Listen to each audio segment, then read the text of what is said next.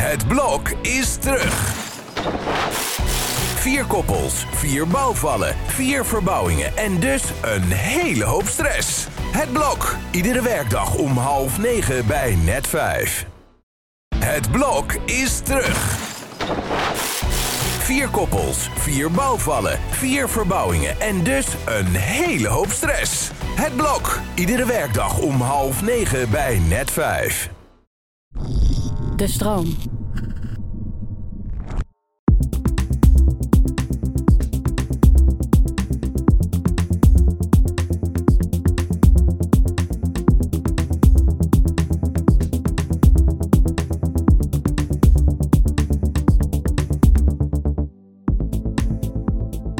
Fijn dat je luistert naar de Podcast Psycholoog. Podcast waarin ik, Marissa van der Sluis, samen met andere psychologen in gesprek ga over belangrijke onderwerpen. Om zo met z'n allen onszelf en anderen beter te leren begrijpen. LSD, paddo's, ketamine en MDMA. De een gebruikt het voor een bijzondere ervaring en de ander voor persoonlijke groei. Maar uit steeds meer onderzoeken blijkt dat deze krachtige middelen ook een therapeutische werking kunnen hebben. Hoe kunnen deze tripmiddelen je helpen als je psychisch vastzit? Maar ook welke risico's zijn er verbonden aan het gebruik van psychedelica? We hebben het er in deze aflevering over met Joost Breeksema en Erwin Krediet. Joost is directeur van Stichting Open, een interdisciplinair initiatief dat wetenschappelijk onderzoek naar psychedelica stimuleert. Ook is hij promovendus bij het UMCG, waar hij kwalitatief onderzoek doet naar patiënten die worden behandeld met psychedelica. En dan Erwin Krediet. Hij is promovendus aan het LUMC en bestuurslid van Stichting Open. Hij is ook onderzoeker bij ARC Centrum 45, waar hij onderzoek doet naar door psychedelica ondersteunende psychotherapie bij posttraumatische stressstoornis. Fijn dat je hier vandaag in de studio bent, Joost. Ja, jij bedankt. Erwin, jij uh, ook welkom vandaag in de studio. Dankjewel. Voor het eerst zit ik hier ook vandaag met, uh, met z'n drieën. Dat uh, ken ik nog eigenlijk niet in een podcast. En ik ben nog wel benieuwd naar de precieze verschillen in jullie onderzoeksgebied. Want ik heb jullie net geïntroduceerd met nogal een mond vol woorden. dus misschien zouden jullie zelf nog even kort kunnen uitleggen waar het accent op ligt in jullie onderzoeken. Ja, ik, uh, Joost hier. Ik, um, ik doe kwalitatief onderzoek naar de ervaringen van patiënten die um, psychedelica krijgen voor de behandeling van hun stoornis. En uh, specifiek mensen met een depressieve stoornis, met behandelresistente depressiviteit. Mm -hmm. Mensen die heel veel dingen geprobeerd hebben en niet reageerden op um, allerlei verschillende soorten antidepressiva of psychotherapie. En ik ben heel erg benieuwd naar wat is het nou in hun behandeling met ketamine of met psilocybine wat ervoor zorgt dat ze zich beter gaan voelen. En wat zit er in de, in de context, dus in de omgeving waar ze, waar ze het middel krijgen, in de interactie met de therapeuten. Um, wat zorgt ervoor dat die, dat die behandeling werkt mm -hmm. en, uh, of niet werkt? En wat kunnen we daarvan leren om de behandeling beter te maken? Dus ik kijk heel erg naar de ervaring van mensen. Dus ik interview patiënten, oh, ja, ja. ik doe diepte-interviews met patiënten. En uh, nou, kijk wat daaruit naar voren komt. Mm. Oh ja, want ik vroeg me af hoe je dat dan doet, maar dat is dus door middel van interviews of observeer je ook?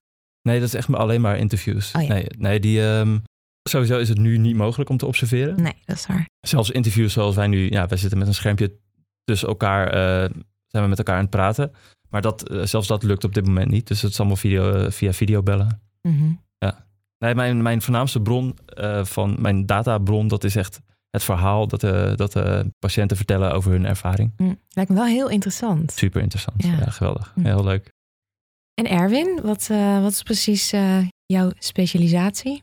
Ja, ik focus me vooral op de behandeling van PTSS en het gebruik van psychedelica binnen de behandeling van PTSS. En dan uh, in het bijzonder in combinatie met psychotherapie. Mm -hmm. Wat is PTSS ook alweer? PTSS is de posttraumatische stressstoornis. Dus uh, mensen die, die ernstige traumatische gebeurtenissen hebben meegemaakt en daar nog heel veel last van hebben. En ja, daar horen allerlei symptomen bij. Mm -hmm. En als je daaraan voldoet, dan heb je een, een posttraumatische stressstoornis.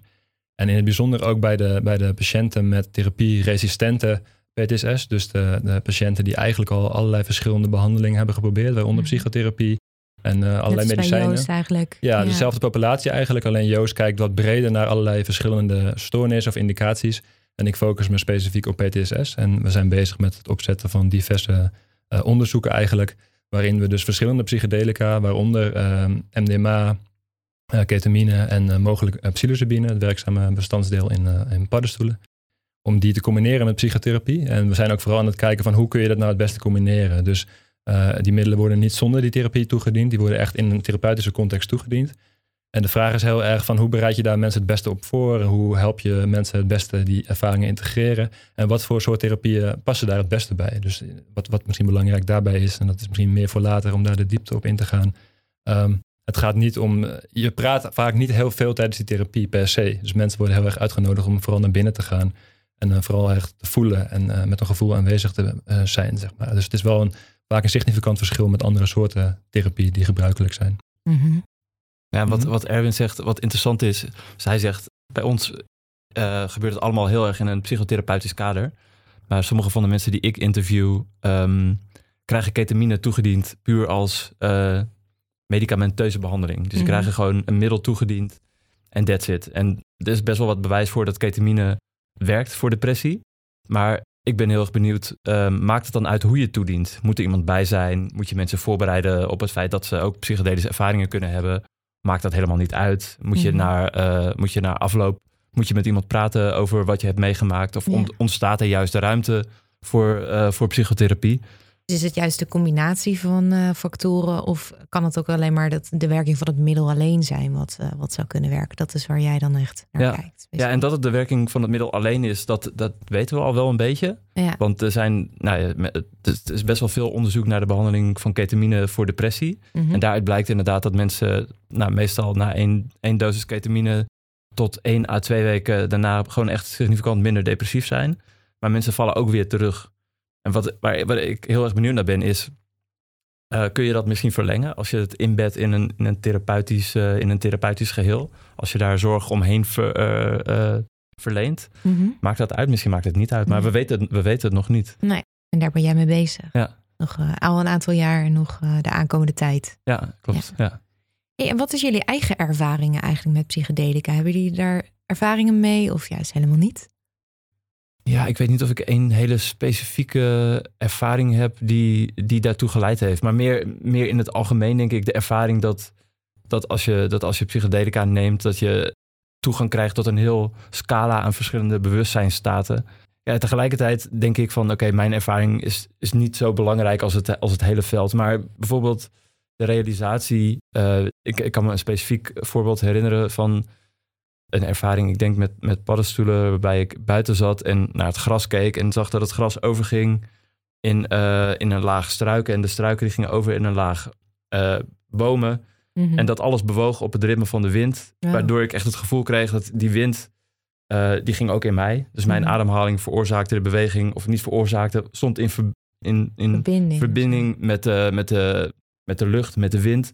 En dat stond in verbinding met de bomen, met het gras. En dat vloeide allemaal in elkaar over, visueel. Maar ook, ehm, ook het besef dat dat allemaal met elkaar in verbinding staat.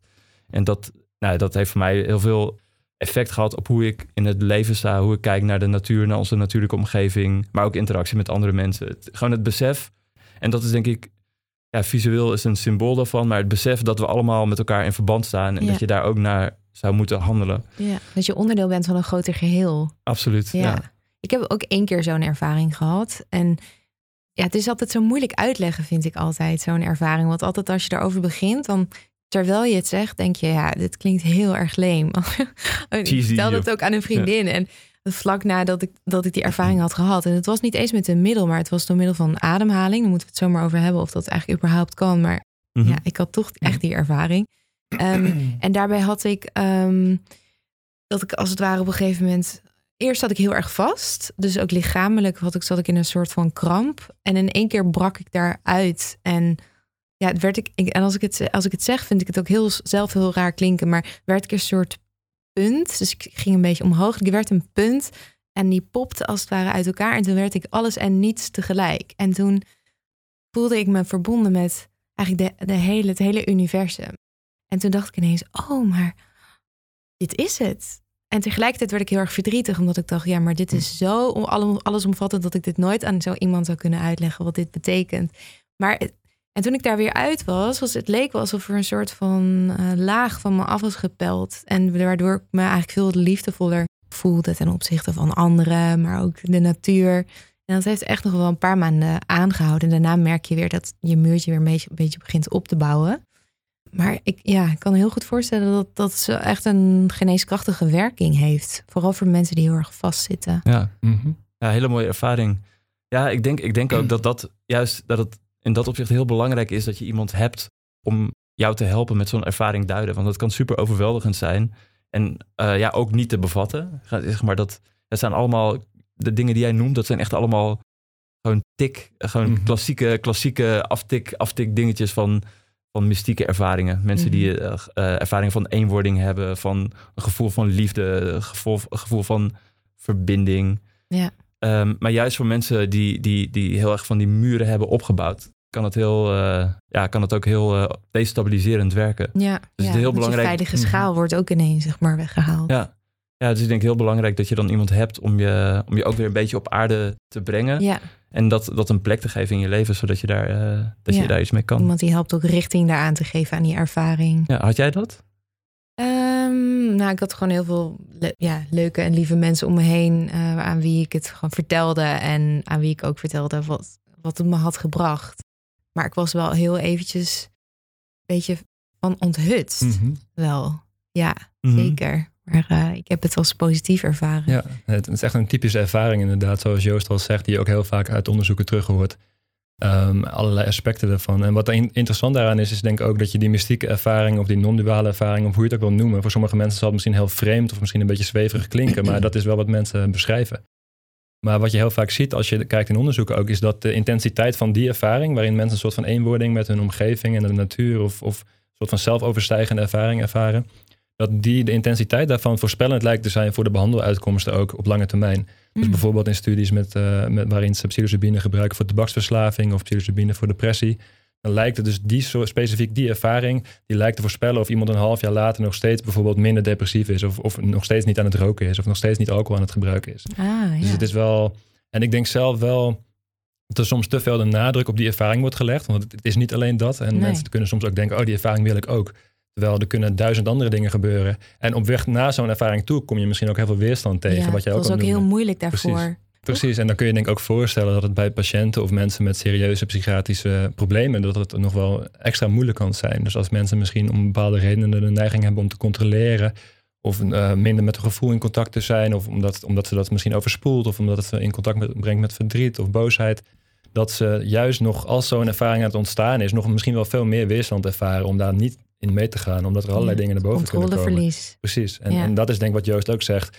Dat, kan, dat lijkt dus heel erg helend te kunnen zijn en heel erg therapeutisch te kunnen zijn. Maar dat, dat is ook iets waar je goede begeleiding bij moet hebben. Precies. Ja. Ja.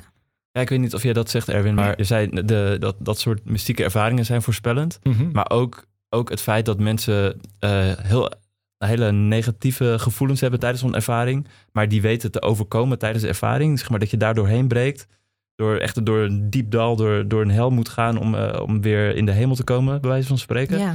Dat, dat lijkt ook heel voorspellend te zijn Ah, voor, ja. voor positieve uitkomsten, ook op de lange termijn. Ja. Ja. En andersom, als mensen daar vervolgens niet tijdens zo'n sessie uitkomen. En dat zie je dus natuurlijk eerder als mensen het op een festival nemen. En misschien denken van, nou neem het gewoon van, ik denk ik ga een leuke avond hebben. Vervolgens worden ze leuk. geconfronteerd daarmee en is, er, is de setting er niet voor om, om daar je in los te kunnen laten. En je blijft heel erg in die angst eh, hangen. Dan kan dat juist ook voorspellend zijn soms voor problemen na afloop. Dus het Ja. zijn hele krachtige middelen die op de juiste manier ingezet heel therapeutisch kunnen zijn. Maar die ook als het in, de, in een ongecontroleerde omgeving wordt gebruikt, soms ook wel degelijk voor eh, problemen kunnen zorgen. En voor lange termijn problemen kunnen zorgen. Hoe is dat met, met jouw eigen ervaring? Heb jij wel eens een eh, bijzondere Ja. ervaring hiermee gehad? Ja, ik, ik, ik heb een, een, een aantal ervaringen gehad. En ik denk wat Joost zegt, is in zekere zin denk ik ook eh, waar. Dat zeker veel van de, van, de, van de mensen die met dit onderzoek zijn begonnen, of die het zeg maar weer nieuw leven hebben willen inblazen, dat het heel vaak uit eigen ervaringen komt. Ehm, en, en voor mij, wat het voor mij voor rol heeft gespeeld, is dat ik ehm, rond, mijn, rond mijn achttiende op een gegeven moment een keer uit nieuwsgierigheid, ik ben nu 36, dus het is ja, 18 jaar geleden, Wow, uit nieuwsgierigheid eh, eh, paddenstoelen nam. Ehm, niet wist wat ik, zou, wat ik moest verwachten. In wat voor setting was dat dan? Het was in een setting in een, in een huis met een aantal vrienden. Dus op zich wel een veilige setting. Maar we, waren niet, ja, we wisten niet wat er kon gaan gebeuren. En Mhm. we zaten er niet per se met een therapeutische intentie in. En wat misschien interessant is daar, is dat ik voor die tijd heel erg... Ik, ik zat in een fase, ik deed niks op school. Ik, ik, ik had geen idee wat ik wilde studeren. Ehm, ik dacht van misschien ga ik wel economie studeren of zo, maar eigenlijk interesseert me dat helemaal niks. Dus ik Nee. moet iets gaan kiezen. Was Ehm, een beetje stuurloos ergens. En ja, had niet heel veel motivatie. Ja, ja zeker. Dus het was Hmm. echt dat ik me een soort van onthecht voelde van, van, van deze wereld en waar mij dat heen wilde hebben of wat ik daarmee moest. En toen na die ervaring, en niet specifiek die ervaring, maar dat heeft een proces in gang gezet, waardoor, al, waardoor er allerlei intrinsieke motivaties weer werden aangesproken. En toen begon ik geïnteresseerd te raken in, in meditatie en ik begon over psychedelica te lezen en ik las dat het al psychotherapeutisch werd ingezet. En toen heb ik uiteindelijk gezegd van oké, ik ga eerst één à twee jaar lang ga ik, eh, ga ik na, mijn, na mijn middelbare school, ga ik eerst het rustig aandoen. Kijken van wat wil ik nou echt gaan doen. En toen heb ik besloten eigenlijk mede door die ervaring om psychologie te gaan studeren. En omdat ik gewoon dacht van deze ervaringen en ook de anekdotes en mensen om me heen, wat ik daar soms over hoorde, die zijn zo, die hebben zoveel potentie dat ik dacht van dit moet wetenschappelijk meer onderzocht gaan worden. En toen kwam ik erachter dat er eigenlijk al een hele wereld was van onderzoek in de jaren 50 en 60, eh, Ja. wat allemaal stop is gezet. Ja. Ehm, en dat, nou, ik denk van de enige manier, of misschien niet de enige manier, maar ik denk een belangrijke manier om dat weer onder de aandacht te brengen in deze wereld, is door gewoon te laten zien van hey, eh, in wetenschappelijke studies zie je gewoon dat dit bij mensen kan helpen. En dat moeten we natuurlijk ook nog maar zien. Misschien komt het er niet uit, maar dat was wel mijn overtuiging op dat moment. En ik dacht van als we dat wetenschappelijk gaan onderzoeken, dan gaan hier heel interessante resultaten uitkomen. En dan kunnen we hier hopelijk ook allerlei mensen in de toekomst mee gaan helpen die nu niet geholpen worden met de behandelingen eh, die we eigenlijk nu tot onze beschikking hebben. Wat, wat Mhm. niet wil zeggen dat heel veel van de huidige behandelingen wel degelijk heel erg eh, positief en effectief kunnen zijn Precies, mensen. Ja. Dus bij jou was er ook eigenlijk een deurtje opengezet. Ja. Dus jij kreeg ineens ook weer inspiratie. Ehm, en dat is uiteindelijk ook wel... Jouw werk is ook wel jouw passie Ja, geworden. Ja. Of die, nou, hoe zeg Ja. je dat? Je passie is je werk geworden ja, uiteindelijk. ja, zeker.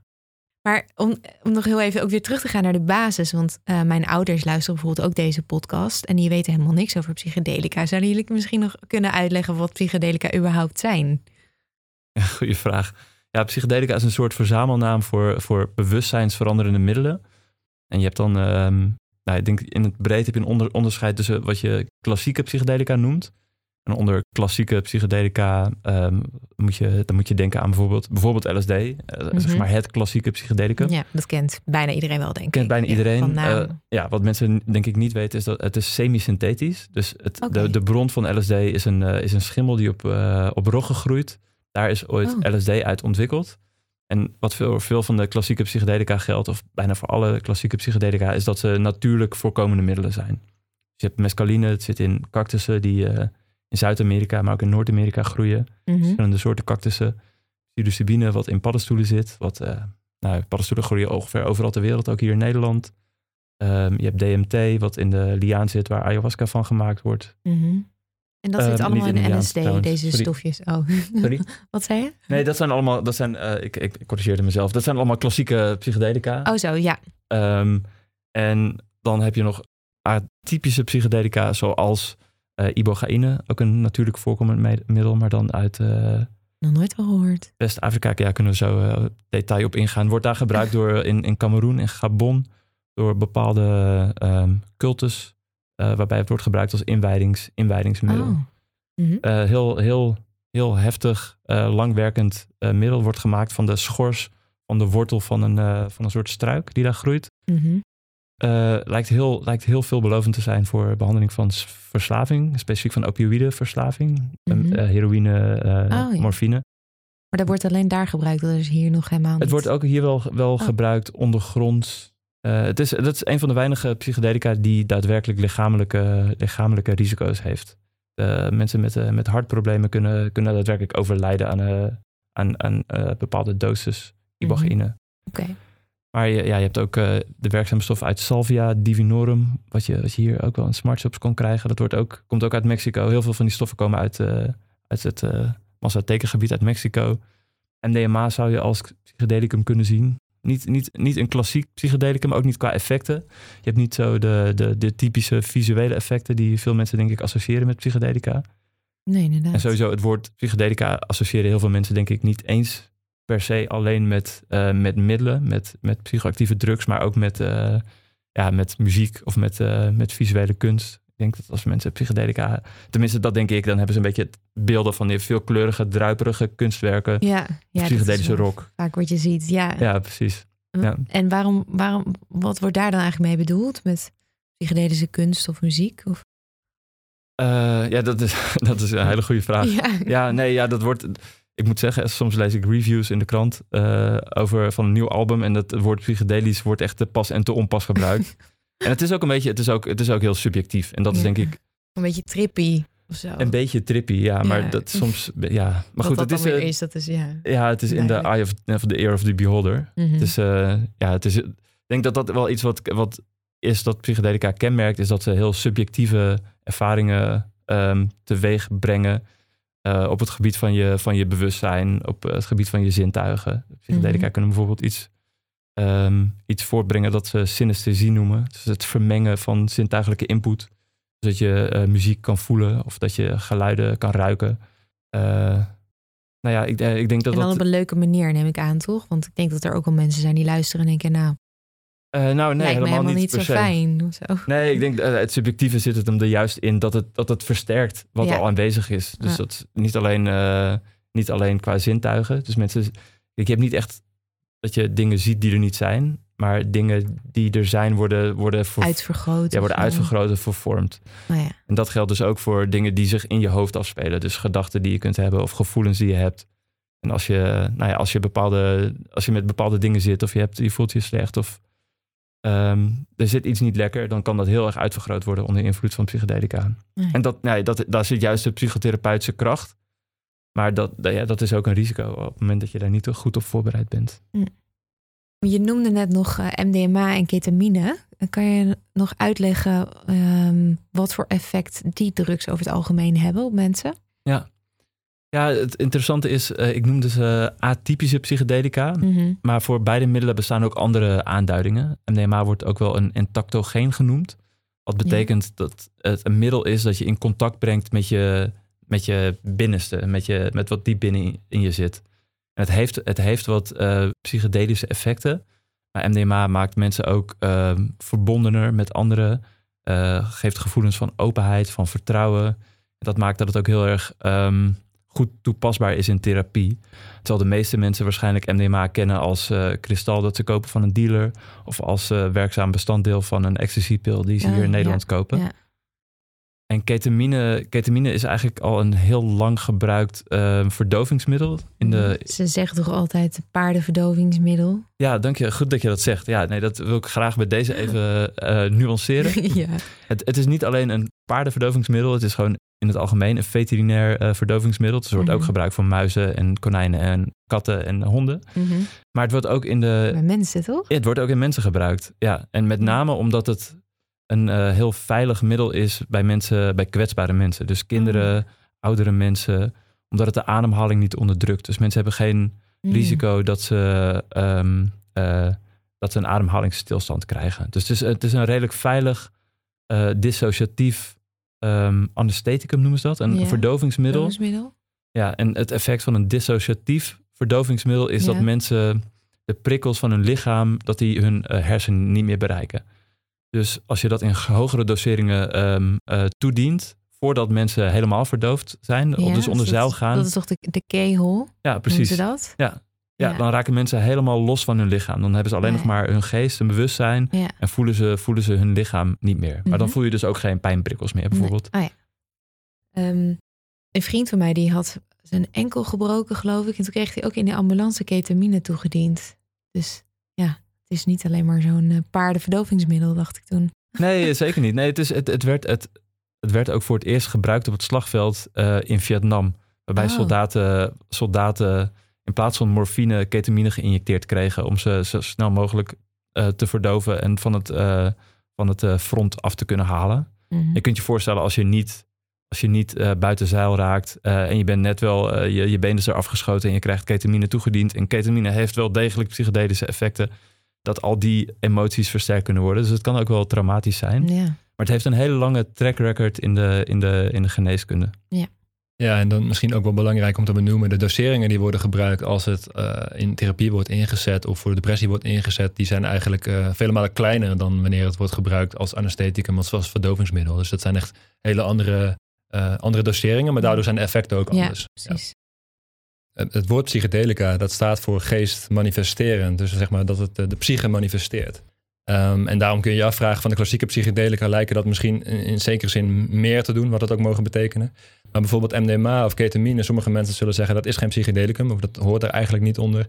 Maar dat ligt denk ik heel erg aan de manier waarop het wordt ingezet. Dus als jij MDMA inzet in een therapeutische context, op een manier waardoor mensen veel makkelijker bij hun trauma's kunnen of bij hun emoties kunnen. Dat is, dan is dat in zekere zin dat manifesteert zich de geest of de emoties of de, hun wezen manifesteert zich makkelijker eigenlijk onder Ja. invloed van zo'n middel. Want dat doet MDMA ook. Je haalt ook iets, zeg maar, een soort, kan een soort blokkade weghalen, waardoor je juist makkelijker bij je Ja, emoties kan of daar beter Ja. over kan praten, net als die andere dat, psychedelica. dat, dat kan inderdaad als je het in die een bepaalde context gebruikt. Dus als iemand dat zeg maar op een feestje gebruikt en zijn ogen open heeft en vooral heel erg in de muziek op aan het gaan is, dan is dat echt een compleet andere ervaring dan wanneer iemand zeg maar met de intentie om eh, eh, aan trauma's te werken met een oogmasker op een bed ligt met twee thera- therapeuten Ja. naast zich. ja, Dus dan dat- ga je veel meer intern Precies, en anders het dan dan ga je een veel meer hele- verbinding maken met anderen of Ja. met de muziek. Ja, Precies, dus het wordt echt een Mhm. heel ander. De effecten zijn echt compleet anders dan. Zeg maar. En dat hoor je ook wel in die studies van, van de meeste van die patiënten in die studies. Die hebben nooit eerder dat middel gebruikt, maar sommigen wel. Die hebben dat een keer eerder gebruikt. En die zeggen ook van, eh, van, van eh, ik, ik herken dit echt totaal niet van mijn eerdere keren. Dit is echt, of mensen die ook zeggen van, I don't understand why they call this ecstasy. En ik snap gewoon niet waarom ze dit ecstasy noemen. Omdat het vaak ook heel erg hard werken is en heel moeilijk is en heel erg confronterend kan zijn op zo'n Ja. moment in zo'n context. Dus Dus die en, eh, ervaring hangt veel meer af van de staat waarin je jezelf bevindt en, en de Ja. context waarin je ja. het En de intentie waar je het mee neemt. neemt ook echt, Ja, denk ik, is heel, belangrijk. Ja, en hoe je daar, wat je verwachtingen zijn en eh, hoe je erin gaat, zeg maar. Ja, dat is wel echt een centraal. Je hebt gewoon heel mooi samengevat wat echt een centraal kenmerk is van de effecten van psychedelica. Namelijk wat je, precies wat jij heel mooi zegt, ze worden bepaald door de set. Dus dat is inderdaad jouw, jouw, jouw psychologie, je gemoedstoestand, wat je verwachtingen zijn, wat je doelen zijn. En de context waarin je het gebruikt. Mhm. Dus, en dat is eh, ja, met wie je bent, of je je veilig voelt met de mensen bij, bij wie je bent. eh, of, de, of de fysieke omgeving, of die prettig is of niet. Ja, En ja, je hebt, maar je hebt inderdaad ook toch, desondanks mensen die het nemen om lol te hebben, die MDMA nemen en die gaan naar een feest. En dan in één keer tot het besef komen van shit, dit is toch echt iets niet oké. Dit is En, daar, ja, en dat kan een hele, hele nare ervaring zijn als, Ja. daar, als je niet mensen om je heen hebt die op dat moment kunnen helpen of naar je willen luisteren. precies. Ja, want dan sommige mensen gebruiken het misschien om iets te verdoven, maar dan dat, dat werkt Mhm. bij deze drugs juist helemaal niet. Nee, Lijkt dat- nee, dat is- het nee. onthult juist meer. Ja. Bij de meeste van deze middelen niet, maar sommige van die middelen die dan meer eigenlijk de- onder de atypische psychedelica, zoals Joost het net noemde, vallen, die, zouden, die kunnen mensen ook soms in een recreatieve context of in een niet-medische context wel degelijk misbruiken. En Ja. Als je dan mensen dat structureel gaan gebruiken, kan het ook wel een bepaalde verdovende werking hebben, die eigenlijk Mhm. heel erg tegengesteld is aan een werking die je zou hebben als je het. in Met een bepaalde intentie. in Ja, precies. Dus, dus het is niet het een of het ander per se, zou Nee. ik zeggen. Nee. Mhm. Want hoe werken psychedelica? Kan jij er misschien wat, wat over vertellen, Erwin? Ik kan er wel een paar dingen over zeggen. En ik denk als eerste wat ik wil zeggen is dat we er gewoon nog heel weinig over weten. Ik bedoel, we weten heel veel dingen wel. Maar uiteindelijk weten we waarschijnlijk niet eens 1% van hoe die middelen werken Ja. in het brein. Wel of, boeiend eh, eigenlijk, dat- toch? Ja, dat is denk ik heel boeiend. Ja, dat is wel zeker. een leuk onderzoek. Dat is misschien met, met al heel veel andere medicijnen trouwens ook zo. Hoor. Dat ze eigenlijk geen idee hebben hoe dit nou daadwerkelijk werkt. Of wat nou daadwerkelijk een werkingsmechanisme is van een middel. Maar ik denk bij psychedelica in het bijzonder. Ehm, maar wat je bijvoorbeeld ziet, wat denk ik interessant is. En dat is wat meer op een puur, ehm, puur lichamelijk niveau. Lijken die middelen, de meeste van die middelen, in ieder geval ehm, LSD en de klassieke psychedelica, zoals Joost net noemde, eh, ketamine en DMT, die lijken een soort van neuroplasticiteit te verhogen. Dus Mhm. in het brein lijken zeg maar de, de, de, de groei van nieuwe neuronen of nieuwe cellen en ook de groei van nieuwe synapsen, waar, hoe, hoe zeg maar verschillende eh, cellen met elkaar communiceren. Maar ook de dendrieten, dus de verschillende vertakkingen van een cel. Al die dingen lijken eigenlijk, de, de groei daarvan lijkt gestimuleerd te worden door deze middelen. En Mhm. zowel tijdens de, tijdens de effecten van het middel, maar ook nog een aantal dagen later. Dus er lijkt een soort van plasticiteit, eh, toename aan plasticiteit te zijn in het brein. Mhm. Dus het aantal cellen neemt Mhm. dus toe, maar ook de verbindingen tussen die cellen en ja. de, waarmee ze eigenlijk Ja. met elkaar communiceren. Ja. En, en dus dat blijft dus ook. En wat, Ik weet niet of het per se heel, of het per se maandenlang zo blijft. Nee, ik denk dat het er heel erg aan een ligt. tijdje. Ja, en ik denk dat het, dat ook eraan ligt dan hoe je ermee omgaat vervolgens.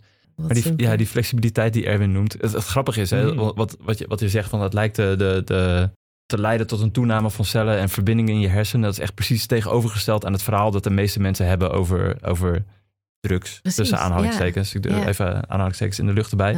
En specifiek. LSD. Ehm, maar ja, die flexibiliteit die je, die je ziet in, in, op het hersenniveau, zie je ook, die, die zie je ook psychologisch wel. Mensen, mensen hun rigide eh, gedachtepatronen of eh, ehm, negatieve gedachten over zichzelf, die worden, worden weer een beetje losgeschud als het ware. Dus mensen krijgen ook psychologisch uh, de kans om nieuwe verbindingen aan te leggen. Nieuwe, nieuwe manieren van over zichzelf denken. Nieuwe Mhm. inzichten, nieuwe perspectieven op... Nieuwe Eh, gewoontes, nieuwe gedragingen. Ja, Ja, en die, die volgen denk ik pas na die tijd. Ja, En da- daarom Eerst is- dat verschuiving van het perspectief. Ja. Mhm. Niet. Dus voor mensen die last hebben van repetitief gedrag en die dus ergens niet mee kunnen stoppen Ja. en eigenlijk geen ander gedrag meer eh, kunnen vertonen, daarvoor zou het heel, is het heel fijn dat ze wat meer van die verbindingen krijgen, waardoor ze uit een bepaald eh, bepaalde gul kunnen Mhm. Ja. stappen eigenlijk. Ja, een En gul is een mooie. Ja, je, zit, je doen. zit er echt in en je hebt niet eens door dat je erin zit misschien. En je kan er ook niet Mhm. makkelijk uit. Ja, bijvoorbeeld dat je de hele tijd maar aan het piekeren bent. Als je somber bent, dat je de hele tijd maar blijft hangen in zelfverwijt. Of inderdaad de hele tijd maar op dingen blijft controleren. Mhm. Eh, dat soort gedrag. Ja, en dit is, ja, dit is met een, met een slag om de arm hoor. Ik, eh, dit, dit lijkt zo te werken. Ja, En ik denk dat het heel erg belangrijk is dat je vooral bij dit soort dingen... dat je hele goede begeleiding hebt en een hele goede sturing. En dus misschien, het wordt, het wordt soms een beetje, ja, een beetje oudbollig om dat de hele tijd te benadrukken. Maar ik denk echt dat het super Ja. fundamenteel is als het gaat om hoe werken psychedelica, hoe, hoe werken ze therapeutisch, hoe kunnen ze Mhm. eh, goed voor iemand zijn. ja. Dat je daar juist mensen een veilig kader voor biedt om dat te kunnen ervaren. Mhm. Ja, want de kaarten worden opnieuw geschud, maar hoe moet je dan verder vervolgens? Ja, precies. Ja. dat is dan Ja. een hele belangrijke Ja, en je zal natuurlijk vaak zien dat, dat, eh, dat inderdaad, je kunt misschien zeggen, de kaarten worden opnieuw geschud, maar vervolgens gaan mensen terug naar dezelfde situatie thuis, met dezelfde partner, hetzelfde werk, dezelfde mogelijke conflicten. En het kan natuurlijk heel moeilijk zijn om daar opeens, al heb je al die inzichten, om daar opeens compleet anders op te gaan reageren. En Ja, voor de een zal het misschien makkelijker gaan dan voor de ander.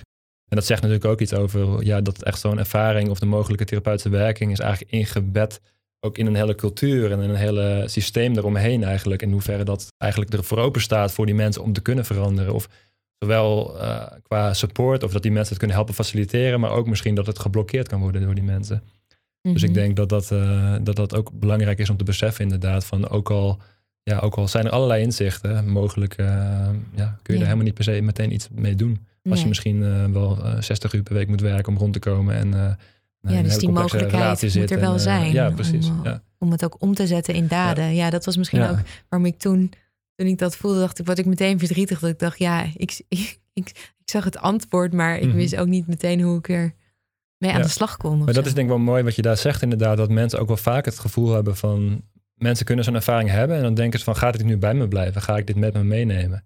En wat wel interessant is aan die middelen... is dat vaak eh, het geheugen heel goed is... voor wat er tijdens die sessie gebeurd is. Dus mensen kunnen die herinnering of die ervaring... wel degelijk vaak meenemen.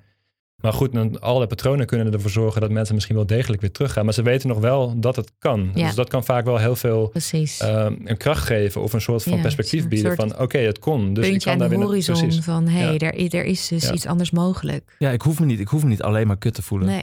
Het, ik kan ik, gewoon dat alleen al, weet je wel. Dat mensen Ja. zich gewoon eventjes beter voelen. Ja. Of e- even anders voelen dan even ze zich niet meer eenzaam, voelen. want je hebt even die verbondenheid gevoeld. Dat je Mhm. onderdeel bent van een groter geheel. Mhm. Dat Ja. is eigenlijk al heel motiverend om Ja. verder te gaan. Maar wat denk ik ook wel interessant is om hier te noemen, is wat je bijvoorbeeld bij MDMA ziet. Want MDMA is wel echt een ander middel. En het heeft allerlei soortgelijke effecten, maar ook hele andere effecten. En je ziet bijvoorbeeld dat een deel in de hersenen, wat heet eh, de amygdala, een soort van het angstcentrum in het brein, simpel gezegd. Ja. Die, ehm, wat je vaak bij mensen met PTSS ziet, is dat die heel erg, dus met mensen met, met trauma's, is dat die heel erg hyperactief is eigenlijk. Dat die Mhm. heel erg aanstaat. Een soort van alarmsysteem staat continu aan. Dus als er iets gebeurt in de omgeving, dan schrikken ze misschien heel erg. Ja, een soort En- vals alarm de hele tijd. Ja, precies. Continu vals alarm. Ehm, en wat, wat je, wa- wa- waardoor het vaak ook moeilijk is om therapie te doen met sommige mensen met PTSS. Exposure therapie, dus de therapie waarin je mensen gaat helpen blootstellen aan hun, hun trauma's of hun traumatische herinneringen. Vaak kunnen mensen een soort van uit hun, ja, ze, ze noemen dat in de psychologie de window of tolerance. Dus zeg maar de, de tolerantie van hoeveel kun je hebben emotioneel gezien of hoeveel, hoe, hoe breed is dat, zeg maar. Dus als je heel erg omhoog schiet in je angst of in een andere Mhm. emotie, gaan mensen vaak heel erg. ehm, kan het heel moeilijk zijn om daar nog een soort van rationeel over na te denken of daar echt iets mee te doen. En of, Ja, een want de mensen worden gewoon overspoeld door hun angst. En dan komt er Ja. eigenlijk niks meer binnen. Precies. En dus wat je met MDMA lijkt te zien is als dat, dat gebied wordt dus in zekere zin minder actief of misschien minder reactief. Het reageert misschien minder sterk op bepaalde prikkels of, of als je mensen praten over hun trauma's. Waardoor eigenlijk die, die, die, die breedte van wat mensen emotioneel aankunnen heel erg eh, eh, nou, wijder lijkt te worden. Mhm. Waardoor mensen kunnen mensen- meer verdragen. Mensen lijken meer te kunnen verdragen zonder dat het zeg maar verdoofd is. Want je zou kunnen zeggen, ja, als je er eh, flink, als je er tien bier in gooit of zo, Ja. dan, eh, dan, eh, dan heb je dat misschien ook niet meer. Maar mensen zijn nog steeds wel heel erg in contact met hun emoties zonder dat ze er overspoeld door raken. En dat lijkt dus met MDMA ehm, nou, mogelijk ook echt een belangrijke eh, rol te spelen in waarom Mm. MDMA een, een, echt een goed of een geschikt middel zou kunnen zijn voor eh, de behandeling van PTSS. Ja, Oh, interessant. ja. Echt een eh, goede invalshoek voor de mensen bij wie je gewone therapie dus niet lukt. precies. Ja. Ja. Ja, dat denk ik wel. Dat is, dat, en dat is wat met de meeste van deze studies ook wordt gedaan, is dat het vooral eerst bij de, bij de mensen of de patiënten die eigenlijk al op heel veel andere therapieën niet hebben gereageerd, wordt ingezet. En daar, zelfs daar zie je dus hele gunstige resultaten. Dus dat vind ik wel, ja, dat is wel veelbelovend. Niet Ja. iedereen reageert erop, maar het is denk ik wel, het is echt, eh, ja, hoopgevend zou ik zeggen. Ja. Ja, wat, wat ik misschien nog als één ding hier aan toe zou willen voegen, wat interessant is. Er zijn kwalitatieve studies gedaan, eh, net zoals de methodes waar Joost nu mee bezig is, waaruit je ziet dat er eigenlijk eh, mensen rapporteren zich meer verbonden te gaan voelen op allerlei verschillende gebieden. Dus vaak wat je mensen hoort zeggen is dat ze zich meer verbonden voelen met hun emoties, met hun, met hun lichaam. Dat ze zeggen van, nou, ik had, echt, ik had überhaupt niet eens meer eh, een contact met mijn lichaam of met mijn Mhm. emoties. Ja, precies. Dat ze dat hebben. Maar ook dat ze opeens contact hebben misschien met bepaalde herinneringen of bepaalde gedachten die ze eigenlijk al heel lang hebben weggedrukt. ja. Maar ook juist dat ze zich meer verbonden gaan voelen met de mensen om hen heen. Ja. Dus dat ze meer, eh, opeens meer liefde of meer connectie voelen met een, voor een familie, van kinderen of hun vrienden. Precies. En ook zien dat je eigenlijk al die tijd met de verkeerde dingen hebt bezig gehouden. Ja, die je niet verder helpen. Ja. Maar Ja, en als je dan nog een paar stappen verder gaat, dan heb je dus ook nog dat mensen eh, zich meer verbonden kunnen voelen met de natuur. Of zeg maar zich deel voelen van een, een, een groter geheel als Ja. het ware. Of dat ze zeg maar, als je nog een stap verder gaat, dat mensen soms zeggen dat ze het idee hadden dat ze een soort van oplosten in de kosmos of één werden met alles. En Ja. dat is een soort van, dus eigenlijk op al die gebieden. En als je dat ook dan eh, combineert met neuroplasticiteit, dat we noemden, die verbindingen en dat soort dingen. Eigenlijk komt dat wel heel mooi samen daar, denk ik, al die, die verschillende concepten. Dus echt een, een beweging van eh, eh, niet verbonden zijn of minder verbonden zijn naar je meer verbonden gaan voelen. ja. Dus je bent op een bepaalde manier onthecht geraakt. Misschien van jezelf en van je emoties. Doordat je dus psychisch ni- niet goed voelt. Of dat, dat is vaak een gevolg van je psychisch niet goed Mhm. voelen. En ook wel onthecht eigenlijk van je omgeving. En misschien zelfs ook, ook in het grotere geheel. Gewoon van jouw zijn hier op aarde. En ik las laatst, dat is wel grappig, want ik las eh, laatst een stuk. En daar vergeleken ze ook zijn psychedelische ervaring met astronauten. Die eigenlijk voor het eerst vanuit de ruimte aarde zo zagen. Ik wou, het net, ik wou het net noemen. Ja? Ja, ja, Wat wil jij ja. daarover zeggen dan? Nou ja, nee, ik vind dat, ik vind dat een fascinerend, fascinerend bevinding. Ik, eh, misschien wil je het zelf zeggen hoor. Ja, nou ja, dat ze dus eh, vanuit eh de raket voor het eerst naar de aarde keken als een soort kwetsbare bol. En dachten, oh, maar daar leven wij. En ik ben niet alleen maar, weet ik veel, John uit Texas, maar Mhm. ik ben Aardbewoner. Een aardbewoner, inderdaad. Ja. We moeten voorzichtig zijn met deze aarde, want die is heel kwetsbaar. Het is gewoon zo'n kwetsbare bol in de ruimte. En je, dat, dat ze, volgens mij las ik ook in het artikel, dat mensen die die shift hebben gehad, en dat heb je vaak ook door psychedelica, krijg je zo'n shift. Dat je ineens denkt, hé, hey, ik ben een onderdeel van echt een groter geheel. Ik ben een onderdeel Mhm. van, van de aarde op zijn minst. Mhm. Dat je daar dan ook veel meer voor wil zorgen. Dus Ja. dat je wat prosocialer wordt, wat empathischer. En vaak ook ehm, meer eh, gaat zorgen voor de planeet. Ja, er zijn heel veel astronauten die na hun terug, eh, terugkeer op aarde, ook de Nederlandse astronauten, Wubbe Okkels en André Kuipers, die zich daarna heel erg gaan inzetten voor duurzaamheidsinitiatieven. en die, Ja. zelf ook, die zelf ook ontwikkelen. En het zijn heel veel, heel, heel, heel veel mooie analogieën, want je hebt en dat uitzoomen, je, je bekijkt Precies, dat uitzoomen. Eindelijk een keer Mhm. uit je eigen kleine koker komen. Mhm. Ja, en het, ja, het heeft ook een soort van politieke implicaties meteen. Want dat zeggen ook heel veel mensen van... ja, als je het van een beetje afstand bekijkt... er zijn maar een heel kwetsbaar klein bolletje... met zo'n heel dun laagje atmosfeer. En je ziet helemaal geen, je ziet geen landsgrenzen... en geen politieke verschillen en geen geloven... als je zo van afstand naar de aarde kijkt. Je ziet alleen maar een aantal wezens... dat samenleeft op zo'n heel kwetsbaar balletje... in zo'n heel groot leeg universum. Mhm. Ja, we're, we're in this together, weet je wel. Ja, Ja, ja en dat is, dat is inderdaad wat je, wat je ook met psychedelica eh, kunt bereiken. Niet dat dat per se hoeft. nee. En dat, ja, dat is, heeft ook een zou risico. een omdat, bijeffect kunnen zijn. nou, niet dat het een bijeffect is, Ja. heeft, maar dat niet iedereen die ervaring heeft. En dat je ook niet altijd die ervaring nodig hebt. En ik ben, ik ben altijd een klein beetje voorzichtig om dit te benadrukken. Mhm. Ik was vroeger overtuigder van de rol van dat soort ervaringen eh, dan ik nu ben. Maar wat je ook ziet is dat mensen ehm, heel erg dit soort ervaringen willen. En ja, die, die, kun je niet, die kun je niet opwekken. Je kunt niet zeggen van oké, ik geef jou nu dit in deze dosering, in deze context. En dan krijg jij zo'n ervaring. Dat werkt gewoon niet zo. Nee, dus mensen zijn misschien soms ook teleurgesteld Hm, na het horen van dit soort eh, anekdotische... Ik denk, ik denk dat dat best vaak voorkomt. Ja. Dat mensen bepaalde verwachtingen Dat is hebben. gewoon heel moeilijk en Mhm. zwaar. Ja, en misschien is dat wat ze nodig hebben. Want Ja, dat is wat er naar boven komt. Want het Ja. versterkt wat er al aanwezig is. Ja, en iets waar je eigenlijk geen aandacht aan hebt besteed. Ja. Of wat je niet wilde zien, maar wat je eigenlijk op een gegeven moment wel gewoon een keer Mhm. naar moet kijken en moet verwerken. Ja, en misschien wat juist in de weg zit om, om zo'n ervaring te kunnen hebben wellicht. Dat, Ja. dat je op, op weg naar zo'n ervaring toe eigenlijk al die dingen tegenkomt die je ervan weerhouden om daar überhaupt eh, naartoe te kunnen gaan. Ja, Ja. Zo van, ja, wat nou uitzoomen? Kijk eerst maar eens even naar binnen. Ja. Kijk maar eens even wat je, wat je nou aan het doen bent. Ja. We hebben het net ook gehad over een aantal positieve effecten natuurlijk van psychedelica. Dus zowel voor mensen die niet per se eh, aan een psychische stoornis lijden, maar ook mensen die daar wel aan lijden en soms ook behoorlijk heftig, die, waarbij andere therapieën niet echt eh, hielpen. Ehm, ja, zijn er, ik hoor ook mensen denken, ja, maar het kan niet alleen maar positief zijn. Wat zijn er, zijn er ook schadelijke effecten bekend? Ja, zeker. Ja, ik denk dat de voornaamste, de voornaamste schadelijke effecten zijn, zijn op het psychologische niveau. Ik zei net al, ik zei net al ibogaïne, dat is een beetje een uitzondering onder de psychedelica. Want Mhm. die heeft eh, daadwerkelijk lichamelijke risico's. Maar ik denk dat de voornaamste risico's bij psychedelica zijn psychologisch. eh, in de zin en emotioneel. Ze kunnen, ze kunnen versterken wat al aanwezig is. En nou ja, als dat, als dat heel veel angst is of, eh, of paniek of, een, of misschien ook een latente ps- psychische stoornis. Als je, als je al ongebalanceerd bent, dan kan dat, eh, dit kan dat het alleen maar ontregelender werken als je dat Mhm. niet in de juiste context neemt. En misschien zelfs wel eh, ook in de juiste context. Ja, zelfs dan. Ja, Is maar wat een wat grote kans? eh, nou ja, psychedelica, dat, het valt of staat heel erg met, met wat ze onder set en setting eh, vatten. Dus he- het valt of staat heel erg met hoe ben je, ben je voorbereid? Weet je wat je te wachten staat? Wat zijn je doelen? Wat zijn je intenties? Heb Ja. je hier al ervaring mee? En waar doe je dat? Eh, doe je dat met je mensen? veilig? Voel je je Ja. veilig? Ben je veilig? Mm. Doe je dat met mensen die je kent? Heb je niet dat je de hele tijd ook nog eh, de bel in de gaten moet houden? Of bang moet zijn dat je ouders thuiskomen? Of Dat er al iets sluimert wat niet Mhm. helemaal lekker is. Want dan wordt dat sowieso naar boven gehaald. absoluut, Ja. ja. Ja, en daarbij in de studies vooral worden, er zijn allerlei inclusie- en exclusiecriteria. Dus zeg maar redenen of, of eh, eh, ja, bepaalde punten op basis waarvan iemand wel aan een studie deel kan nemen of misschien niet aan die studie deel kan nemen.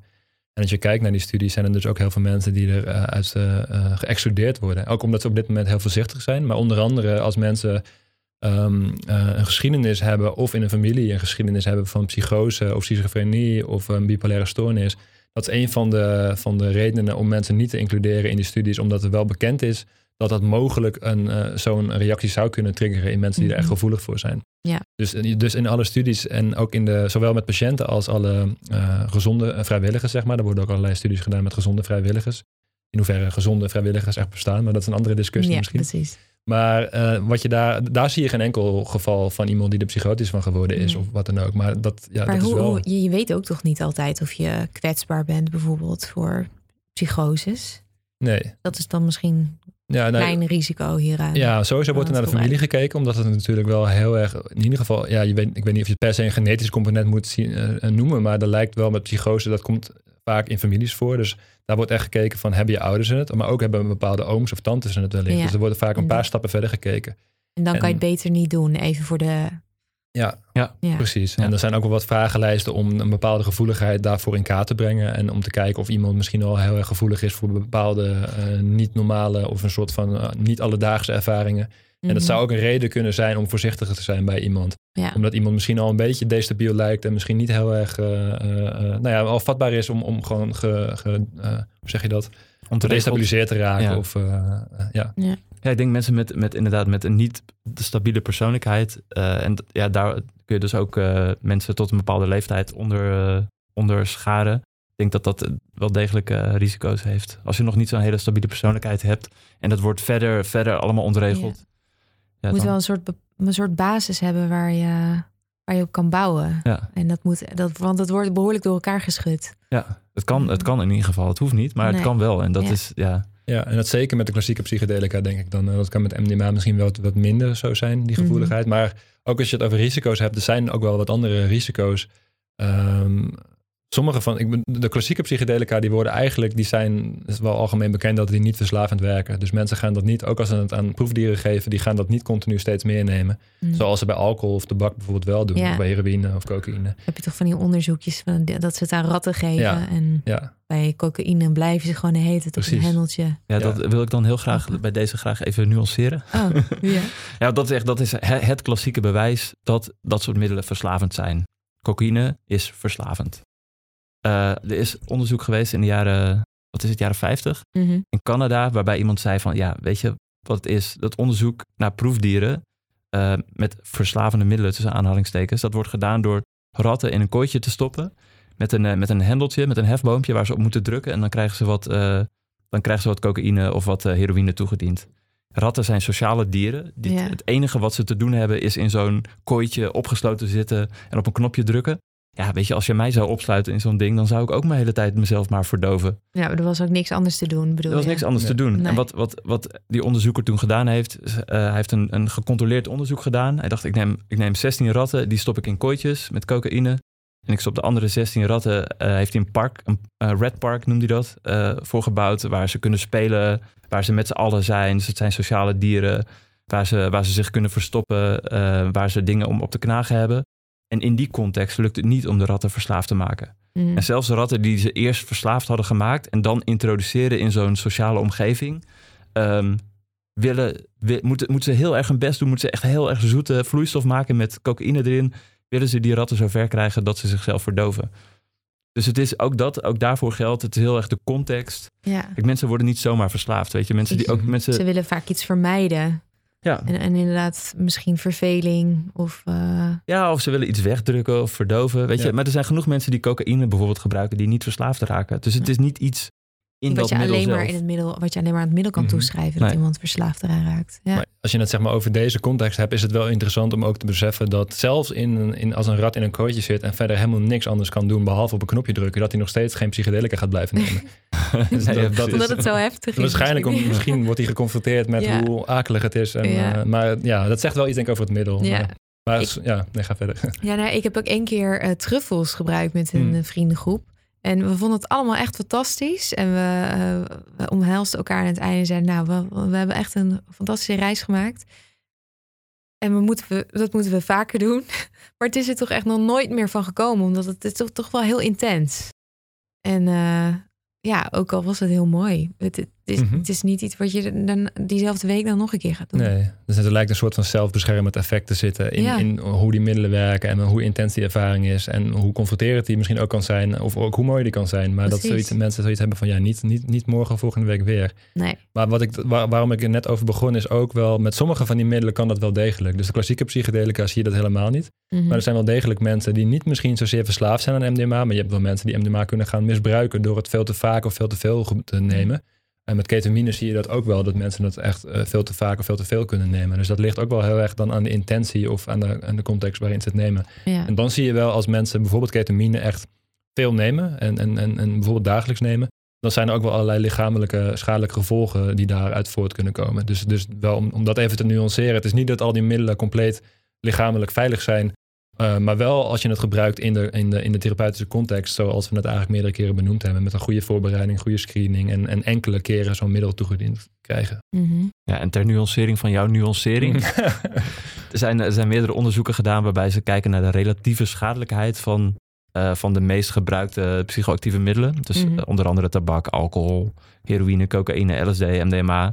En dan komen klassieke psychedelica komen altijd helemaal onderaan het rijtje van, van relatieve schadelijkheid Ja. uit. Terwijl ze toch wel worden gezien als de boosdoeners wel. Ja, dat komt, het, het komt, Tot het- een tijdje terug. Nu zijn ze allemaal wel behoorlijk in opkomst weer. Ja, dat komt omdat eh, als je kijkt naar hoe ze wettelijk ingedeeld zijn, dan staan eh, eh, LSD eh, en MDMA staan op dezelfde lijst als heroïne en eh methamfetamine en cocaïne. Staan, Mhm. Die zijn op dezelfde manier eh, gereguleerd in de wet, in de opiumwet. En dat is, ja, die, die twee dingen staan eh, helemaal los van elkaar. De, de, de schade, de risico's voor de volksgezondheid en hoe ze wettelijk geclassificeerd zijn, die hebben eigenlijk niks met elkaar te maken. Nee. En je kunt dat, je noemde net truffels. Truffels is een heel interessant voorbeeld. Want truffels, de werkzame bestanddelen van truffels zijn net als in, in paddo's, paddenstoelen, zijn psilocine en psilocine. En die laatste twee staan op lijst 1 van de opiumwet. Paddenstoelen staan op lijst 2 van de opiumwet. Dat is zeg maar de lijst van softdrugs, waar ook Mhm. cannabis staat. En eh, truffels eh, zijn totaal ongereguleerd. Dus ja, als, als, als die middelen echt daadwerkelijk heel gevaarlijk of schadelijk zouden zijn, dan zou je denken van, nou dan doet de overheid er wel alles aan om die eh, op dezelfde manier te reguleren. Ja. Maar dat is niet het geval. Nee.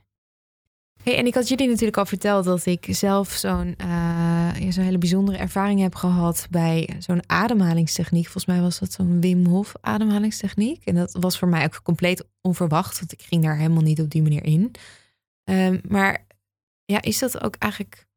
Ja het, ja, het is natuurlijk mogelijk omdat ik het heb ervaren, maar is dat, is dat bekend ook dat dat kan? Ja, ja nee, dat is zeker bekend. Ehm, wat misschien ook wel interessant is, is dat een van de ehm, psychiaters die heel lang met LSD heeft gewerkt, toen het eh, illegaal werd, of toen hij er niet, mee kon, niet meer mee kon werken, toen heeft hij een ademhalingsmethode ontwikkeld om mensen in die andere staat van bewustzijn te krijgen zonder eh, dat soort middelen te gebruiken. Oh, En als je ook kijkt naar allerlei ehm, inheemse culturen waarin dit soort middelen worden gebruikt, dan zijn er eigenlijk ook allerlei andere methodes om in een soort van trance of andere bewustzijnstoestand te komen. Dus ofwel door ademhaling, meditatie of eh, gebruik van drum. En er zijn allerlei andere methodes Mhm. voor. Dus het is inderdaad heel bekend. En ja, ik denk dat muziek psych- of dans of zo. Ja, Zweet het, eh, Ja. Oh ja, wat, wat is dat ook alweer? Ja, dat je, dat je in een, ver- een verduisterde ruimte eh, lange tijd gaat zitten waar het heel heet is. Oh. Waar je, en daar raken mensen ook van in veranderde bewustzijnstaten. Of wat de Soefies wil ja. doen, die, die, ik weet niet hoe je dat in het Nederlands zegt, die whirling dervishes.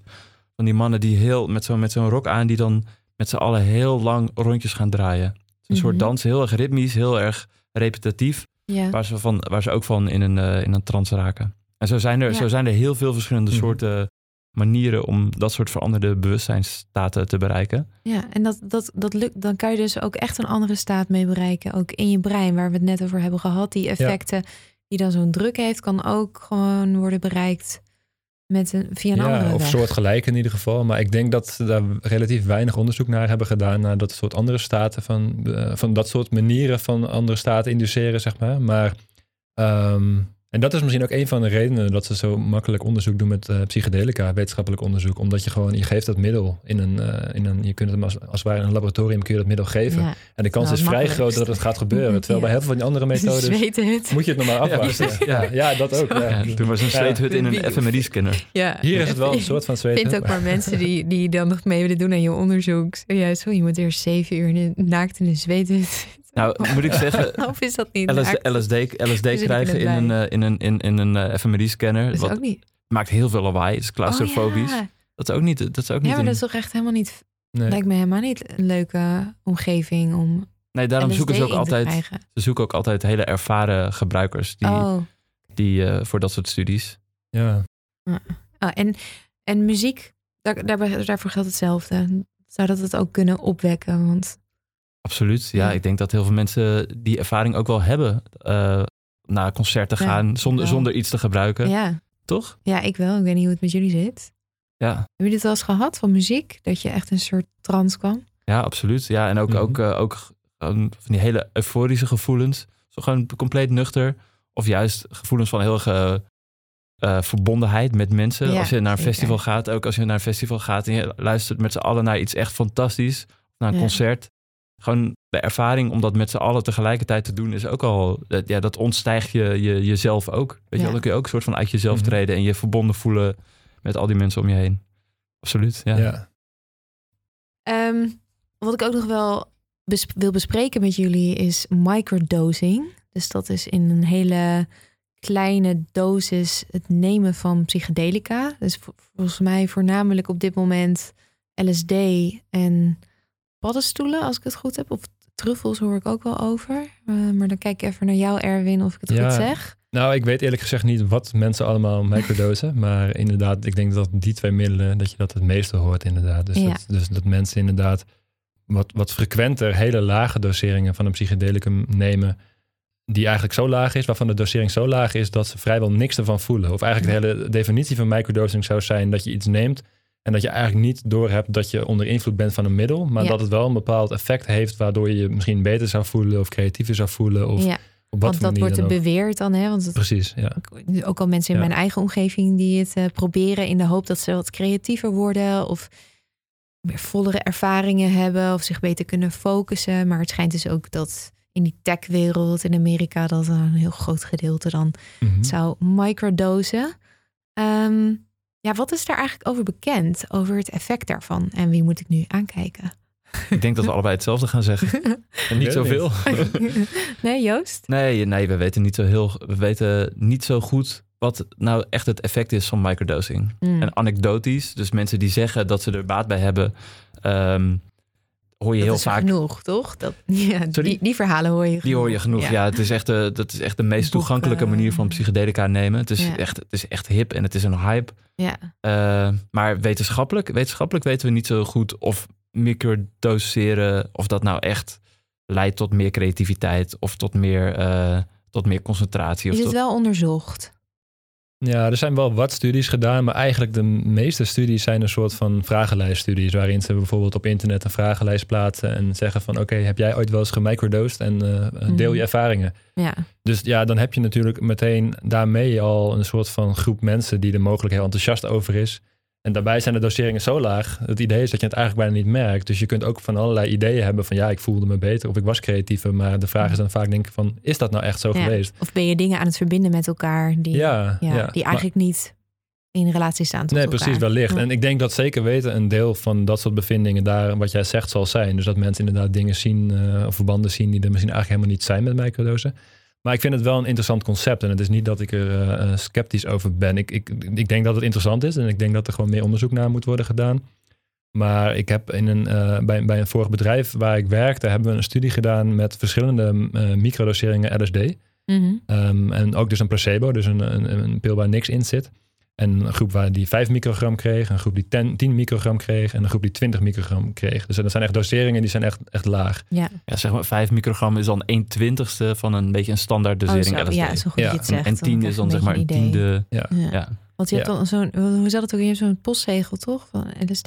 ja, zo doen mensen dat ook wel. Die hebben, Oh, dat zijn echt kleine stukjes papier. Die Oh, ja. knippen ze dan. Het is echt best wel lastig, denk ik. Oh, In, in tienen of zo. Of je Ja. lost dat op in water. En dan neem je een tiende van hoeveelheid water die je dat. eh, Ja, en dan Ja. zeg je denk ik ook meteen wel een van, wat je daar noemt, een van de mogelijke risico's ervan. Dat is heel erg van, je weet niet wat erop zit. Je weet niet of er überhaupt LSD op zit misschien zelfs. Ehm, als je mensen het niet hebben laten testen. En de vraag is ook, hoeveel krijgen ze binnen? Dus als mensen hun dagelijks ding gaan doen en de dosering is opeens wel te hoog. maar goed, dat zijn, dat zijn dingen. Dus want mensen die, nemen het ook gewoon terwijl ze naar hun werk gaan. Ja, En, eh, ja. maar, maar Meestal gaat het goed, maar... Ja, dat geloof ik ook wel hoor. Maar, eh, maar ik denk dat er wel bepaalde risico's aan zitten. En ook als je het hebt over toen straks wat we zeiden over die plasticiteit en dat soort dingen. Ehm, ja, dat klinkt allemaal heel goed en dat klinkt allemaal heel erg eh, positief. Maar wie weet is dat wel helemaal niet goed als je dat elke paar dagen doet. Ik bedoel, ik kan me voorstellen dat het goed is dat je, dat je eh, de, de groei van nieuwe cellen stimuleert of verbindingen stimuleert. Mhm. Maar als je dat echt frequent dagelijks of elke paar dagen doet, we weten niet of dat goed is. Ja. Dus op lange termijn weten we gewoon niet wat het, wat het doet. Nee, totaal niet. Nee. Nee. Dus, en, dus dat is denk ik een reden om er meer onderzoek naar te doen. Maar die, die studie die we toen hebben gedaan, en wat ik daar eh, interessant aan vond, is dat er, nou waren de groepen niet zo groot, dus je kon niet zo heel makkelijk verschillen zien die er misschien waren. Maar in elke groep zaten zeg maar twaalf mensen. Maar op heel veel van de heel veel vragenlijsten werden afgenomen, creativiteitstaakjes en aandachtstaakjes, allerlei dingen. En er werden best wel weinig verschillen gevonden eigenlijk. Dus ehm, dat is niet een bewijs dat het niet werkt. Maar in ieder geval was daar weinig interessants te zien, vond ik zelf, in die studie. Mhm. Nee, nou, nou zijn psychedelica grotendeels natuurlijk verboden. Volgens mij alleen truffels zijn eh, nog legaal.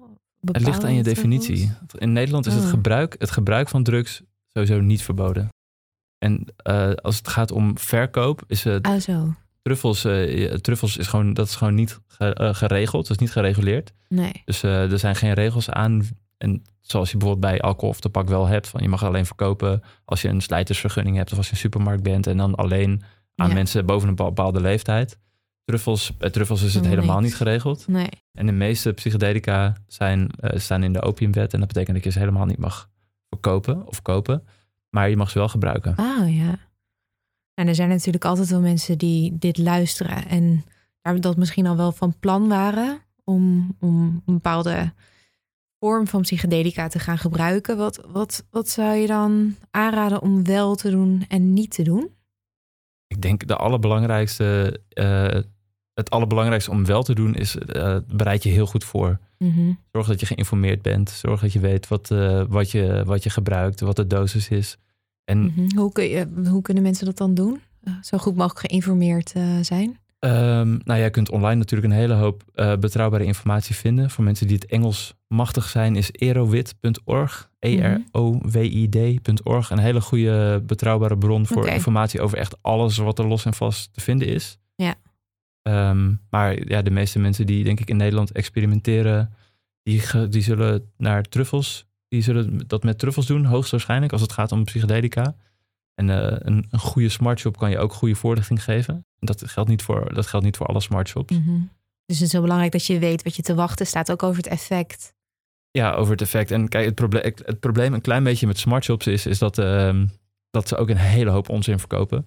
Ja? Nou, ja, als, je, als je naar een etalage in een smartshop gaat en je hebt zes verschillende bakjes truffels staan, Ja. dan staat er op elk, eh, elk eh, bakje truffels van, nou, deze hebben meer visueel, iets minder filosofisch. ja, precies. Ja. Nou ja, dat is allemaal eh, grotendeels onzin, denk ik. ik denk dat het allerbelangrijkste is, en dat kan ik niet vaak genoeg benadrukken, dat je zorgt voor een veilige, eh, veilige omgeving waarin je het gebruikt. Het is een plek waar je niet gestoord kan worden, waar je je veilig voelt, met mensen die je vertrouwt, met mensen die je daarin kunnen begeleiden. Mhm. Eh, zorg dat je lekker in je vel zit, dat je de dag daarna niets te doen hebt, dat je niets moet, zodat dat niet in je achterhoofd speelt van oké, ik moet wel op tijd. Eh, ik moet wel op tijd klaar zijn, want ik moet morgenochtend om negen uur moet ik eruit om te werken. Ja, dat is Ja, geen goed dat idee. raak je niet kwijt tijdens die trip. Dat Nee, nee, dat kan echt is. alleen maar uitvergroot worden. Ja. Ah, Of wat ik al eerder een keer zei, dat je bang moet zijn dat je ouders eh, elk moment kunnen thuiskomen. Of dat je huisgenoot, eh, die het niet mag weten, in één keer bij je op de, op de stoep staat. ja. Zet je Krijg je telefoon uit. van die wantrouwige ideeën van. eh, Absoluut, ja. Ik denk een hele mooie, waarbij we het net hadden over wat moet je wel doen en wat moet je niet doen. Als je, als je psychedelica wilt gebruiken, is dat een hele mooie mantra die wordt gebruikt eh, in de begeleiding van mensen die psychedelica krijgen. In het Engels noemen ze dat trust, let go and be open. Dus vertrouw in het proces, laat het los, geef je over en wees open voor alles wat, eh, wat mogelijk op je pad komt. Oh, dat is echt een hele mooie intentie om zo'n ervaring in te duiken. Ja, en ik denk ook om daaraan toe te voegen, besef je ook dat veel van de dingen die we nu genoemd hebben, als het gaat om eh, het meer medisch of therapeutisch gebruik eh, voor depressie of voor andere, eh, om andere redenen, dat dat echt zo goed lijkt te werken, zeer waarschijnlijk voor een groot deel te wijden is aan de hele begeleiding die je Ja, erbij hebt en de therapie die je erbij. hebt, zeg maar. Dus Ja. ook voor mensen die denken van oké, ik heb het nu gehoord en ik heb misschien last van angst of depressie. Eh, dat betekent niet dat als je nu truffels neemt of een middel neemt, Nee, dat dat gaat verdwijnen. voorbij zijn. Ja, en dat kan ook wel misschien wel heel erg verergeren op dat moment. Of het kan ook Mhm. heel erg een moeilijke ervaring worden. Dus dat is echt wel belangrijk, denk ik, om te benadrukken dat het niet een. eh, je moet het niet lichtzinnig nemen. En het, Nee. en het lijken middelen zijn die heel krachtig zijn en heel veel therapeutische potentie hebben. Maar daarom zijn ze ook wel, als je ze niet op de juiste manier gebruikt, risicovol. Ja. Ja. Ja, ik zou zeggen, doe het dan niet. Ik, eh, het Mhm. advies dat ik Ja. net gaf is, eh, was inderdaad, het is heel goed dat je dat noemt Erwin, voor mensen die het toch al van plan zijn. Ja. Ik zou het ook niemand aanraden, maar als mensen het toch al zelf van plan zijn, Ja, er zijn dan- er wel een paar dingen waar je op moet letten sowieso. ja, Niet zomaar lichtzinnig eh, innemen. nee, en inderdaad, en als je inderdaad last hebt van, van, van psychische klachten, wacht er dan even mee. Mhm. Je leven, je leven, je hebt, je hebt nog lang genoeg. Ja. Sommige mensen, vooral als je jong bent, dan, dan denk je van het moet nu, want andere mensen doen het ook, of ik heb haast.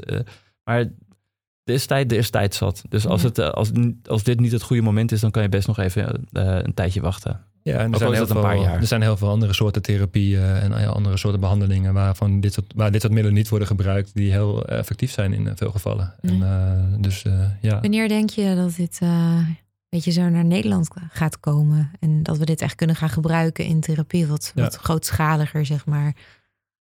Ja, dat ligt aan, de, aan naar welk middel je kijkt, denk ik. Maar als je naar kijkt naar MDMA voor PTSS, dat is nu in de fase 3-studie, zoals ze dat noemen. Dat is de Mhm. laatste fase van medicijnonderzoek die je moet doen voordat het zeg maar, geregistreerd kan worden, voordat Mhm. het Een beoordeeld hoop wordt. gedoe, hè? Met, Het is- Het is echt een, Ja, het is heel veel werk. En, ja. eh, en de organisatie die dit begonnen is met MDMA, die is in 1986 begonnen. Ze zijn dus al, eh, wat is het, 34 jaar bezig. Maar goed, dat betekent ook omdat dat had ook de middelen en geld nodig en al dat soort dingen. Maar die zijn nu echt in een stroomversnelling aan het raken. En het lijkt erop dat als de resultaten positief zijn, en het blijkt inderdaad, zoals het nu ook lijkt te zijn, veilig te zijn voor deze mensen, dat het over een jaar of één of twee eh, in, eh, in Amerika een geregistreerd geneesmiddel zou kunnen zijn. En dan eh, is het zeer waarschijnlijk, als dat ook in Europa worden nu allerlei studies ook erachteraan gedaan, zou dat dan een aantal jaar daarna in Europa ook erachteraan kunnen komen. Dus dan zou je moeten denken, denk ik in Nederland bijvoorbeeld 2023, 24 op zijn vroegst voordat MDMA geregistreerd geneesmiddel zou zijn. En hetzelfde geldt inderdaad voor, uh, voor uh, psilocybine, voor depressie of andere stoornissen. Die, die zijn nog iets langzamer, zitten nog iets achter de MDMA aan qua tijdlijn, qua mhm. onderzoek. Ja. Dus het is veelbelovend allemaal, het onderzoek naar psychedelica. En, maar we moeten nog een tijdje wachten. Ja, nog een beetje geduld hebben, ben ik bang. Dat hoort ook bij het onderzoek doen in ieder geval voor mij. En dat ja. is, ja. Ja. Hebben jullie nog iets? Oh, sorry. Nee, nee, nee, nee, nee. nee. nee ik, ik wilde vragen aan jullie. Hebben jullie nog iets toe te voegen hieraan? Iets mee te geven aan de luisteraar misschien? ik denk dat het interessant om te benoemen is dat we het, we hebben, we hebben het heel veel over de behandeling van mensen met psychische stoornissen. En wat psychedelica, wat mij betreft, super interessant maakt. Mhm. En wat het ook anders maakt dan andere medicijnen, is dat er allerlei andere redenen zijn voor mensen om psychedelica te gebruiken. Die helemaal niks met hun geestelijke gezondheid direct te maken hebben. Zoals dan? Nou ja, persoonlijke groei. Mensen die geïnteresseerd zijn in, uh, in, in zelfontwikkeling of mhm. om spirituele redenen of om uh, uh, in contact te staan met de natuur. En ook als je kijkt naar hoe psychedelica traditioneel gebruikt worden, zijn er allerlei, allerlei andere motieven om psychedelica te gebruiken dan alleen maar um, medicinaal. En ja, ik denk dat het belangrijk is. Ja, ik denk dat het belangrijk is dat we die focus, uh, dat we die focus ook breed houden. houden. Ja. Mm -hmm. ja. Dank jullie wel, beiden. Erwin, Joost. Bedankt dat jullie hier in de studio willen zijn. Ja, jij bedankt. Jullie bedankt. Graag gedaan. Ja. Graag gedaan. Ja, ja graag gedaan. Wil jij na het luisteren van deze aflevering nog meer leren over psychologie? Word dan lid van onze club op de podcastpsycholoogclub.nl en ontvang elke maand bonusmateriaal bij de podcast en een door mij persoonlijk ingesproken ontspanningsoefening.